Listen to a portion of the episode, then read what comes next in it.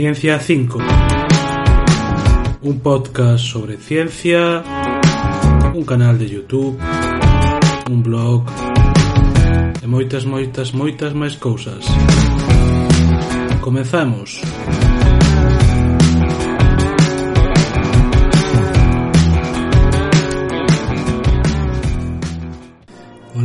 outra semana e Máis aquí estamos. O último capítulo do libro. Bueno, última, último episodio do podcast Lendo o Libro. Eh, Vamos a seguir, non? Seguimos con Historia do Tempo do Big Bang ou Buratos Negros de Stephen W. Hawking. Unha posible resposta atoparíamos no principio antrópico. Dous dimensións espaciais non parecen ser suficientes para permitir o desenvolvemento de seres complicados como a nosotros. Por exemplo, animais bidimensionais sobre unha terra unidimensional terían que trepar uns sobre outros para adiantarse, Se unha criatura bidimensional comese algo, non podría digerirlo completamente, tería que vomitar os residuos por si polo mesmo camiño polo que os tragou. Xa que soubera un paso a través do seu corpo, dividiría a criatura en dos metades separadas, o noso ser bidimensional romperíase. Análogamente, é difícil de entender como podría haber circulación de sangue en criatura bidimensional, Tamén habería problemas con máis de tres dimensións espaciais, a forza gravitatoria entre dous corpos diminuiría coa distancia máis rapidamente do que o fai en tres dimensións. En tres dimensións, A forza gravitatoria cae un cuarto se duplica a distancia. En catro dimensións caería un oitavo en cinco dimensións a un dece, dece, un partido por 16 un dezaseiasavo. Sona fatal. E así sucesivamente. O significado de todo isto é que as órbitas dos planetas alrededor do Sol, como por exemplo da Terra, serían inestables. A menor perturbación, tal como producida pola atracción gravitatoria de outros planetas, sobre unha órbita, circular daría como resultado que a Terra xiraría en espiral ou ben cara ao Sol ou ben alonxándose del. Nos eh, ou nos, xe, ou nos xearíamos ou nos achirraríamos, é dicir, ou ardemos ou conxeámonos. Volvemos no xeo. De feito, o mesmo comportamento da gravidade coa distancia en máis de tres dimensións espaciais significaría que o Sol non podría existir nun estado estable no que a expresión compensase a gravidade, ou romperíase ou colapsaríase de forma de burato negro en calquer caso non sería de moita utilidade como fonte de calor e luz para a vida sobre a Terra. A unha escala máis pequena, as forzas eléctricas que fa que existen nos electróns fan que existe xiren ao redor do núcleo nun átomo comportaríanse do mesmo modo que as forzas gravitatorias, así os electróns escaparíanse totalmente do átomo ou que irían espiral no núcleo. En calquera dos casos non podería haber átomos como nosotros coñecemos. Aparentemente, parece evidente que a vida, polo menos como nosotros a coñecemos, pode existir soamente en rexións do espacio-tempo na que as unhas dimensión temporal e tres dimensións espaciais non están moi moi moi envoltas. Isto significa que poderíase recurrir recurrir ao principio antrópico débil, no suposto de que se pudiese demostrar que a teoría de cordas permite polo menos que existan tales rexións no universo, e parece que verdadeiramente o permite podría ser perfectamente válido a rexións do universo ou outros universos, e xa que se, eso se pode significar, en as cales todas as dimensións estiveran moi enrolladas, moi enrolladas, sí, moi moi moi moi eso, moi en forma de de de de, de, de sí, de rollo, non? Non sei como decirlo nas que fosen aproximadamente planas máis de 4 dimensións, pero que non habería seres intelixentes nesas rexións, para observar un número diferente de dimensións efectivas. A parte da cuestión dun número de dimensións que o espacio-tempo parece ter, a teoría de cordas plantexa aínda outros problemas que teñen que ser resoltos antes de que poda ser recoñecida como a teoría unificada definitiva da física. Non sabemos aínda se todos os infinitos se cancelarían uns a outros ou como relacionar exactamente as ondas sobre a corda cos tipos específicos de partículas que observamos. Non obstante, é probable que nos próximos anos se atopen respostas a estas preguntas e cara ao final do século sepamos se a teoría de cordas constitúe verdadeiramente a moi codiciada teoría unificada de física. Pero pode haber realidade unha tal teoría unificada ou estamos eh, perseguindo únicamente un espellismo? Parece haber tres posibilidades. Existe realmente unha teoría unificada completa, que descubremos algún día se somos suficientemente intelixentes, non existe ninguna teoría definitiva do universo, senón unha sucesión infinita de teorías que describen o universo cada vez con máis precisión, non hai ninguna teoría do universo, os acontecementos non poden predecirse máis alá de certo punto, xa que ocorren dunha maneira aleatoria e arbitraria. Algúns sosterían a terceira posibilidade sobre as de base de que se houvese un conxunto completo de leis, ele implicaría encontrar a liberdade de Deus de cambiar a opinión e intervir no mundo, Algo parecido á ve, para paradoxa, sí, pode Deus facer unha pedra tan pesada que el non pode levantala, sin embargo, a idea de que Deus pudera cre, querer cambiar de opinión é un exemplo de falacia, sinalada por San Agustín, de imaginar a Deus como un ser que existe no tempo, e o tempo unha propiedade só do universo que Deus creou. O parecer sabía o que quería cando construiu. Co advenimento da mecánica cuántica podemos De coñecer que os acontecementos non poden predecirse con completa precisión, senón que hai sempre un grado de incertidumbre. Se se quere, pode atribuirse á autoridade desa intervención de Deus, pero trataríase dunha intervención moi estrana. Non hai ningunha evidencia de que este dirixida hacia ningún propósito. Se tivera algún, se tivera algún non sería por definición aleatoria, Nos tempos modernos eh, eliminamos de feito a terceira posibilidade, redefinindo o obxecto da ciencia. A nosa intención é reformular un conxunto de leis que nos permitan predecir acontecementos só ata o límite imposto polo principio de incertidume. A segunda posibilidade a de que exista unha sucesión infinita de teorías máis e máis refinadas está de acordo con toda a nosa experiencia cara hasta este momento. En moitas ocasións aumentamos a sensibilidade de nosas medidas ou realizamos un novo tipo de observacións descubrindo novos fenómenos que non eran preditos pola teoría existente, e para explicalos tivemos que desenvolver unha teoría máis avanzada.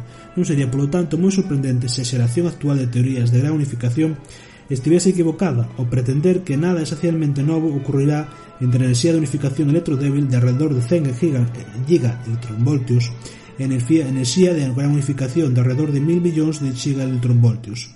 Poderíamos, en verdade, esperar a topar varios niveles de estrutura máis básicos que os quarks, electróns que ora consideramos como partículas elementais.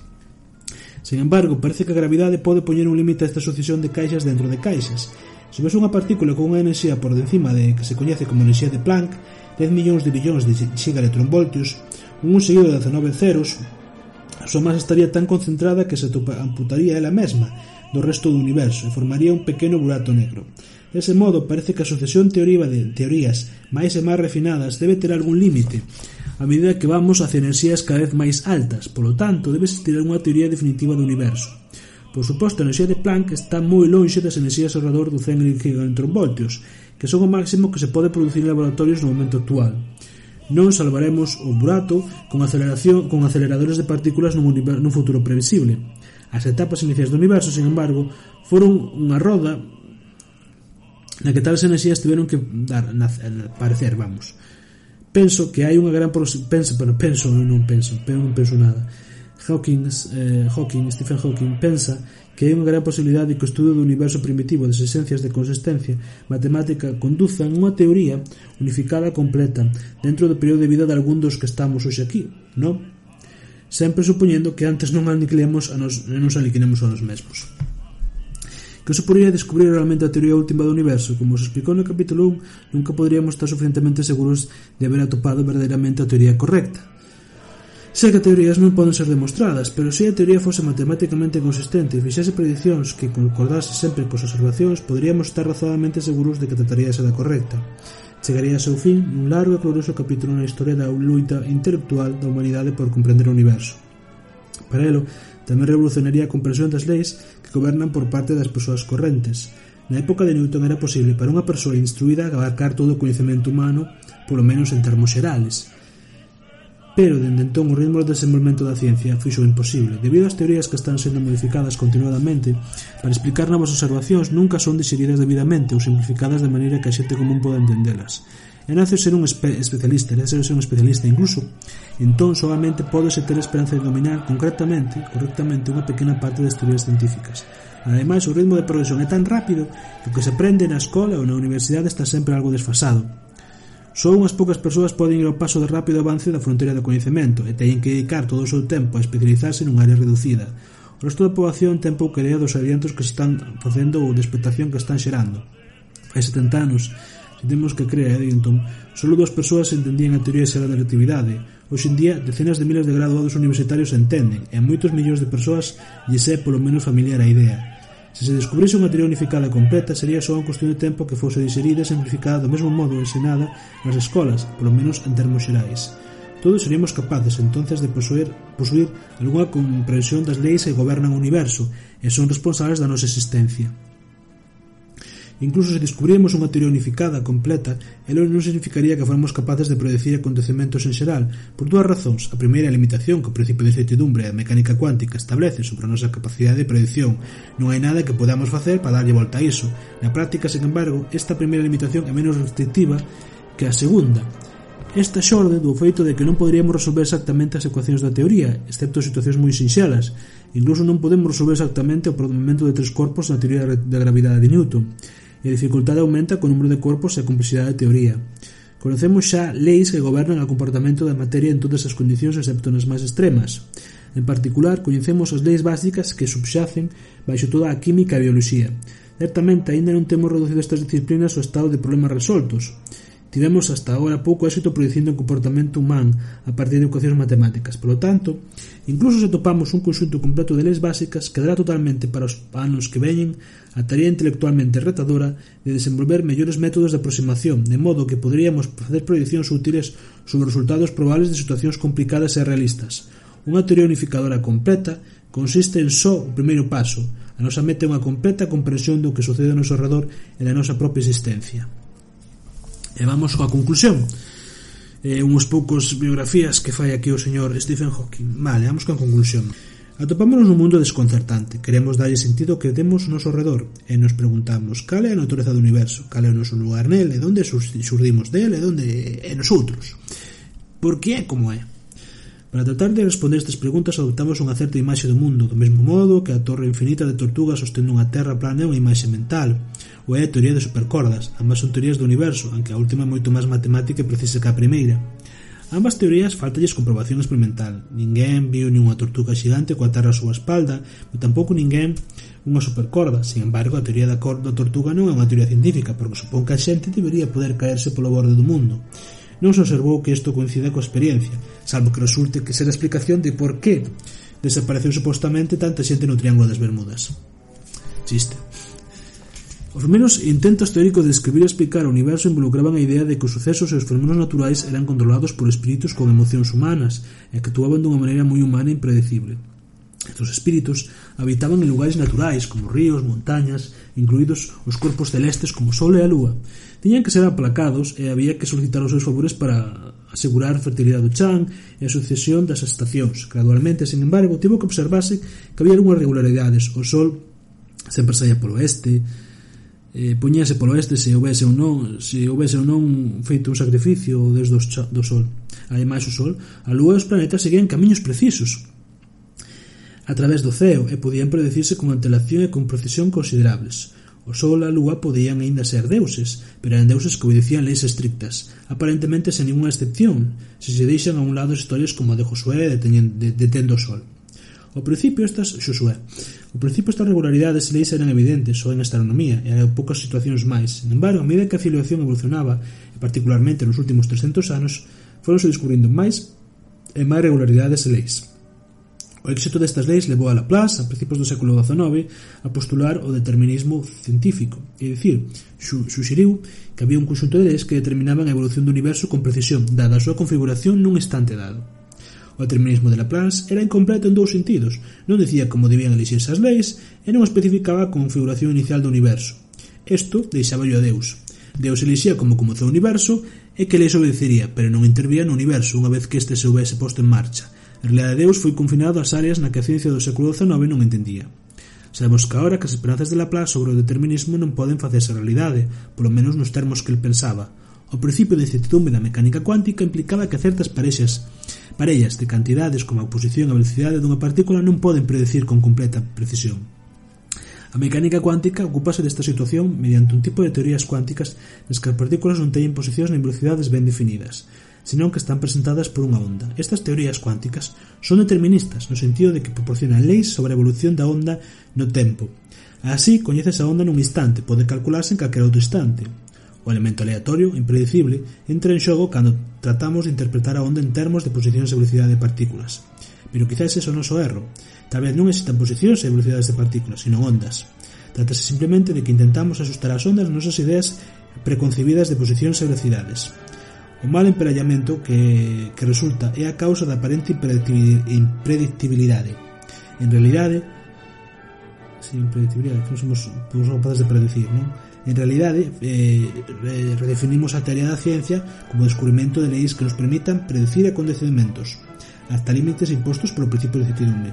Queda, sin embargo, a seguinte cuestión, como e por que foron escollidas as leis e o estado inicial do universo? Neste libro deus unha especial eh, importancia ás leis que gobernan a gravidade, debido que a gravidade é a que determina a estrutura do universo a gran escala, a pesar de que é máis débil das catro categorías de forzas, As leis da gravidade eran incompatibles coa perspectiva mantida hasta fai moi pouco do universo non cambia co tempo. O feito de que a gravidade seña sempre atractiva implica que o universo teñe que estar expandíndose ou contraéndose. De acordo coa teoría xeral da relatividade, tivo que haber un momento, un estado de densidade infinita no pasado, o Big Bang, que constituía un verdadeiro principio do tempo. De forma análoga, se o universo entero colapsase, de novo teria que haber outro espacio-estado de densidade infinita no futuro, o Big Crunch, que constituiría un final do tempo. Incluso, se non se colapsase de novo, habería singularidades en algunhas rexións localizadas que se colapsarían de formar buratos negros. Estas singularidades constituirían un final do tempo para calquer que caese no burato negro. O Big Bang e outras singularidades de todas as leis fallarían, de modo que Deus aínda tería a súa coperta libertad para decidir o que sucedeu e como comezou o universo. Cando combinamos a mecánica cuántica coa relatividade xeral, parece haber unha nova posibilidade que non sucediu antes, que non apareceu antes. O espacio e o tempo xuntos poderían formar un espacio de catro dimensións finito, sen singularidades nin fronteiras, como para a superficie da Terra, pero con máis dimensións. Parece que esta idea pode explicar moitas das características observadas do universo, tales como a súa uniformidade a gran escala ou tamén as desviacións da homoxeneidade a máis pequena escala, como as galaxias, estrelas e incluso seres humanos. Podería incluso explicar a flecha do tempo que observamos, Pois o universo é totalmente autocontido, sen singularidades nin fronteiras, e é descrito completamente por unha teoría unificada, todo elo ten profundas implicacións sobre o papel do Deus como creador. Este unha vez dixo a pregunta, cantas posibilidades de elección tiña Deus ao construir o universo? Se a proposta da non existencia de fronteira é correcta, non tivo ninguna liberdade en absoluto para escoller as condicións iniciais. Habría tido, todavía por suposto, a liberdade de escoller as leis que o universo obedecería, Isto, sin embargo, pudo non ser de, non pudo haber, non podo, perdón, pudo non ser, puido non ser, perdón, realmente unha verdadeira elección, puido máis ben existir solo unha e un pequeno número de teorías unificadas completas, tales como a teoría das cordas heretótica, ere, heteróticas, perdón, que causan que son sexan autoconscientes e que permitan a existencia de estruturas tan complicadas como seres humanos que poden investigar as leis do universo e interrogarse acerca da natureza de Deus. Incluso, se hai só unha teoría unificada posible, eh, unificadora, tratas únicamente dun conxunto de reglas e de ecuacións. Que é o que insufla lume ou que dá vida ás ecuacións e crea un universo que pode ser descrito por elas? O método usual da ciencia de construir un modelo matemático non pode responder as preguntas de por qué de haber un universo que se, que se describa por un modelo. Por que atravesa o universo por todas as dificultades de existencia? É a teoría unificada tan convincente que ocasiona a súa propia existencia, ou necesita un, cre un creador. E se así, ten este algún outro efecto sobre o universo? Quen creou, quen o creou a él? Ata agora, a maioría dos científicos estiveron demasiado ocupados co desenvolvemento de novas teorías que describen como o universo para facerse a pregunta de por qué. Por outro lado, a xente cuya ocupación de preguntarse o por qué, os filósofos non poderon avanzar ao paso das teorías científicas. No século XVIII os filósofos consideraban todo o coñecemento humano, incluída a ciencia, como o seu campo, e discutían cuestións de tipo universo principio. Sen embargo, nos séculos XIX e XX, a ciencia fixo demasiada técnica matemática para eles, e para calquera eh, excepto para uns poucos especialistas.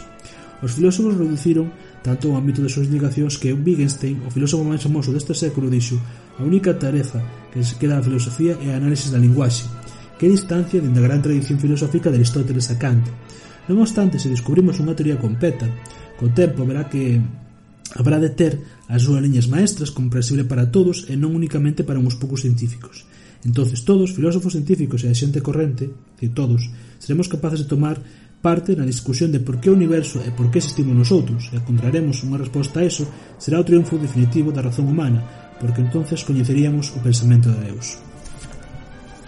Era para rematar unhas pequenas eh, biografías ou descripcións de persoaxes importantes na historia do tempo eh, para rematar e depois unha pequena cousinha que vos teño que contar Albert Einstein ou Albert Einstein A conexión de Einstein coa política da bomba nuclear é bastante coñecida. Firmou a famosa carta do presidente eh, Franklin Roosevelt que impulsou os Estados Unidos a plantexar sobre serio cuestión. Tomou parte nos esforzos da posguerra para impedir a guerra nuclear. Pero estas non foron as únicas accións dun científico arrastrado ao mundo da política. Vida de Einstein estivo de feito unido, eh, utilizando as súas propias selvas dividida entre políticas e ecuacións. A primeira actividade política de Einstein tivo lugar durante a Primeira Guerra Mundial, cando era profesor en Berlín. Asqueado polo que entendía como un despilfarro de vidas humanas, sumouse as manifestacións antibélicas. A súa defensa da de, de, desobediencia civil e o seu aliento público, o seu aliento, o seu alento público para que a xente rexeitase o servicio militar obligatorio non lle bueno, lle fixeron moitas empatías dos seus compañeiros. Logo, despois da guerra, dirixiu os seus esforzos cara a reconciliación e mellora das relacións internacionais. Tampouco lle fixo popular e pronto as súas actitudes políticas fixeron difícil o poder visitar os Estados Unidos, incluso para dar conferencias. A segunda gran causa de este foi o sionismo, Ainda que era de ascendencia xudía, Este rexeitou a idea bíblica de Deus, sin embargo, o advertir como, como eh, crecía, eh, perdón, advertir como medraba o antisemitismo, tanto antes como durante a Primeira Guerra Mundial, identificouse gradualmente coa comunidade xudía, e máis tarde fixose aberto ao partidario do sionismo. Unha vez máis, a impopularidade non lle fixo eh, non lle impediu falar das súas ideas, as súas teorías foron atacadas. Fundouse incluso unha organización anti-Einstein. Un home foi condenado por citar a outros a asesinar a Einstein, multado só con 6 dólares. Pero Einstein era flemático. Cando publicou un libro titulado 100 autores en contra de Einstein, el replicou Se si yo estuver... Si, si, si, yo, si yo. Se eu estivera equivocado, un solo xa sería suficientes. No 33, Hitler chegou ao poder. Einstein estaba en América e declarou que non regresaría a Alemanha. Logo, mentre a milicia nazi invadía a súa casa e confiscaba a súa conta bancaria, un periódico Berlín desplegou os titulares. Boas noticias de Einstein, non volve. Ante a alemana, boas noticias de Einstein, non volve. Joder perdón. perdón, se me la alma. Ante amenaza, joder, vaya mi mala. Perdón, hostia. Continúo. Ante a Alemania nazi, Einstein renunciou ao pacifismo e finalmente temendo que os científicos alemáns construíran unha bomba nuclear, propuxo que os Estados Unidos fabricasen a súa. Pero incluso, antes de que estalara a primeira bomba atómica, advertía publicamente sobre os peligros da guerra nuclear e propuñía o control internacional das armas atómicas. Durante toda a súa guerra os esforzos de Einstein pola paz probablemente non lograron nada duradeiro e certamente fixeronlle ganar poucos amigos. O seu elocuente, bueno, o seu elocuente, o seu, sí, elocuente, o seu fervoroso, o seu apoio importante á causa sionista, sin embargo, foi debidamente recoñecido en 1952 cando lle foi ofrecida a presidencia de Israel. El botou para atrás, dicindo que creía que era demasiado inxenuo para a política.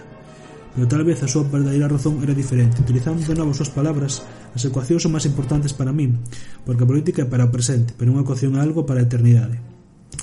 Non coñecía con curso destas cousas deste, non o sabía. Galileo Galilei. Mira que un das persoas que máis se pois eh, se máis se coñecen. Galileo Galilei. Tal vez eh, tal vez, sí, quizáis eh, máis que ningún outro persoa Galilei foi responsable do nacemento da ciencia moderna eh, o seu célebre conflicto coa Igrexa Católica afectaba o núcleo do pensamento filosófico, xa que Galileo foi un dos primeiros en soster como podía chegar a comprender como funcionaba o mundo. E ademais que podería se facelo observando o mundo real. Galileo eh, cría na teoría copernicana Copérnico que os planetas se van ao redor do Sol moi cedo, pero solo cando estivo controu a evidencia necesaria para soster a idea comezou a apoiarla públicamente Escribeu sobre a teoría de Copérnico en italiano non o latín académico usual, e rapidamente os seus puntos de vista foron respaldados ampliamente fora das universidades. Isto molestou profesores aristotélicos, que se uniron contra ele intentando convencer a Igrexa Católica de que prohibise o, o copernicanismo. Galileo, preocupado por ele, apoiou a Roma para falar cas autoridades eclesiásticas.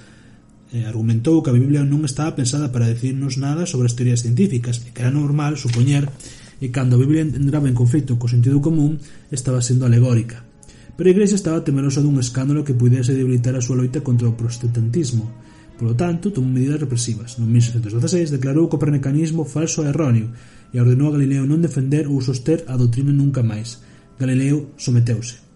En 1623, un antigo amigo de Galileo foi eh, fito papa. Inmediatamente Galileo tratou de decreto tratou de que o decreto de 1616 fose revocado.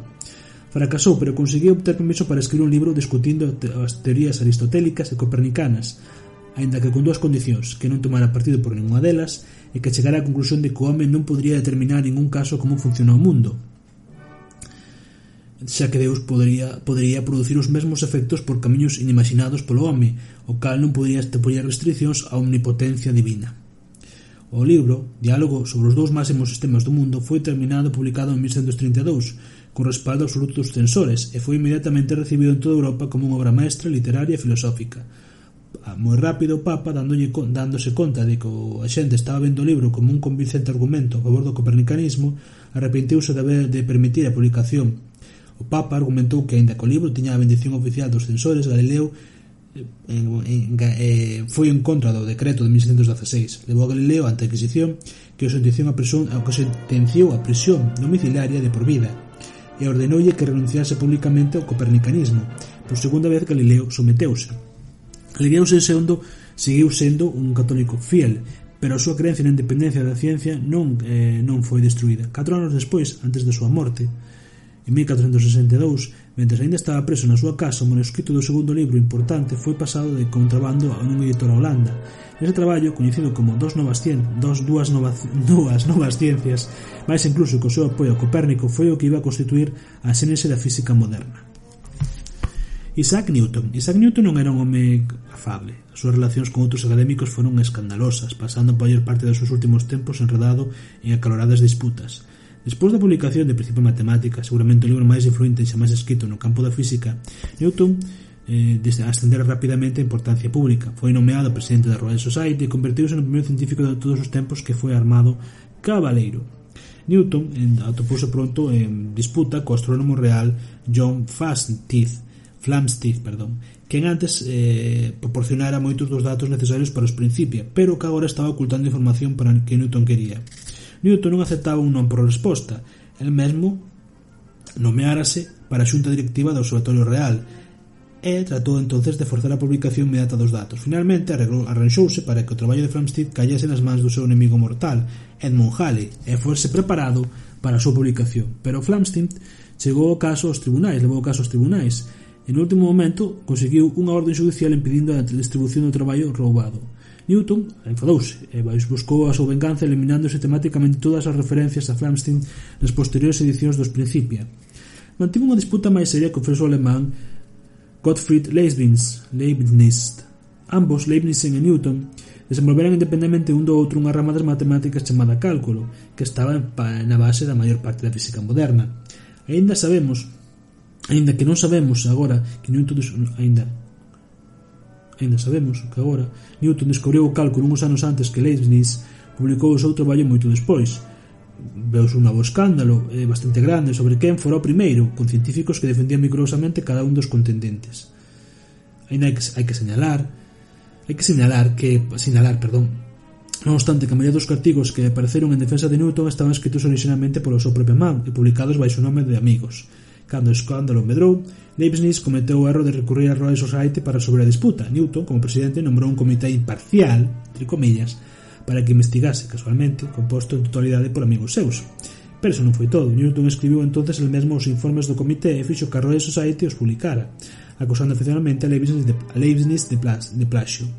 Non satisfeito todavía, todavía, sí, todavía, eso castelán, non, non satisfeito eh, nese momento escribiu ademais un análisis económico, eh, económicos un análisis anónimos, un pouco canso do informe na propia revista da Royal Society.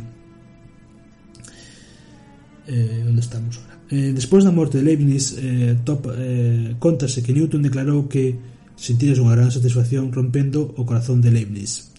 Na época desas dúas disputas Newton se abandonara a Cambridge na vida, vida universitaria participar activamente na política anticatólica da dita cidade e posteriormente no Parlamento foi recomendado finalmente co lucrativo posto de director da Casa da Real Casa da Moeda.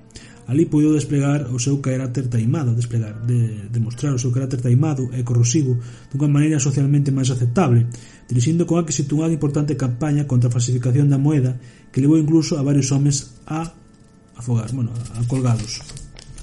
E gabouse. Bueno, xa non hai máis vai, xa, vou pa media hora como sempre facendo os capítulos super longos eh, sorpresa estamos no capítulo 99 o capítulo 99 do podcast desde que estou subindo a iVox propoño que se contamos os de Soundcloud e algún máis por aí son algúns máis pero bueno vamos facer oficial desde que foi Ciencia 5 vai a radio. E nada, e para o capítulo 100, que será a semana seguinte, eh, faré un especial, non sei se vos de conta que este ano non fixen das noticias do ano 2019, Estamos casi xa chegando a finais de febreiro. Entón a miña idea é facer un capítulo especial de, das noticias de 2019 e para o capítulo 100, que será este, que vos estou mencionando, espero facelo para a semana que ven, senón pois será para seguinte, cando poda. Porque estou un pouco aí, porque quero facer algo importante. E, importante, bueno, algo diferente. E que para o capítulo 100 vou facer un concurso. Un concurso, vou escribir brevemente, que ese día farino máis profundamente, teredes tempo para concursar, e, bueno, xa vos contarei as condicións e todo iso. Durará, pues, eso, 15 días, bon, pero bueno, xa vos contarei máis ese día. A idea é que é un concurso, habrá unha serie de preguntas que tedes que responder, explicaremos brevemente como será o próximo día, a semana que ven, eh, e o que con que consiga facelo pues, dunha maneira determinada que vos vou a dicir levarás un premio o premio vai a ser un libro daremos a escoller libros, podedes incluso propoñer vosotros un para que vos lo mande a ver como consigo mandarvos sin que vos cause molestias a vos nin a min. E iso, é un concurso no que eu regalarei un libro. Non é moito tal, pero bueno, xa sabedes que isto o fago gratuitamente e non dime ninguna recompensa económica no que levo grabando podcast así que, bueno, financiamento é o que é así que nada Ah, nada, simplemente para o capítulo 100 haberá un especial sobre noticias do 2019 e presentaremos o concurso eh, para celebrar esta, este capítulo 100 que chegamos a 100, nunca pensei que chegaría Moitísimas gracias por escoitarme, que teñades moi boa semana ou semanas, espero que seña semana, xa vos contarei máis, eh, espero para a semana telo grabado. Eh, moita ciencia.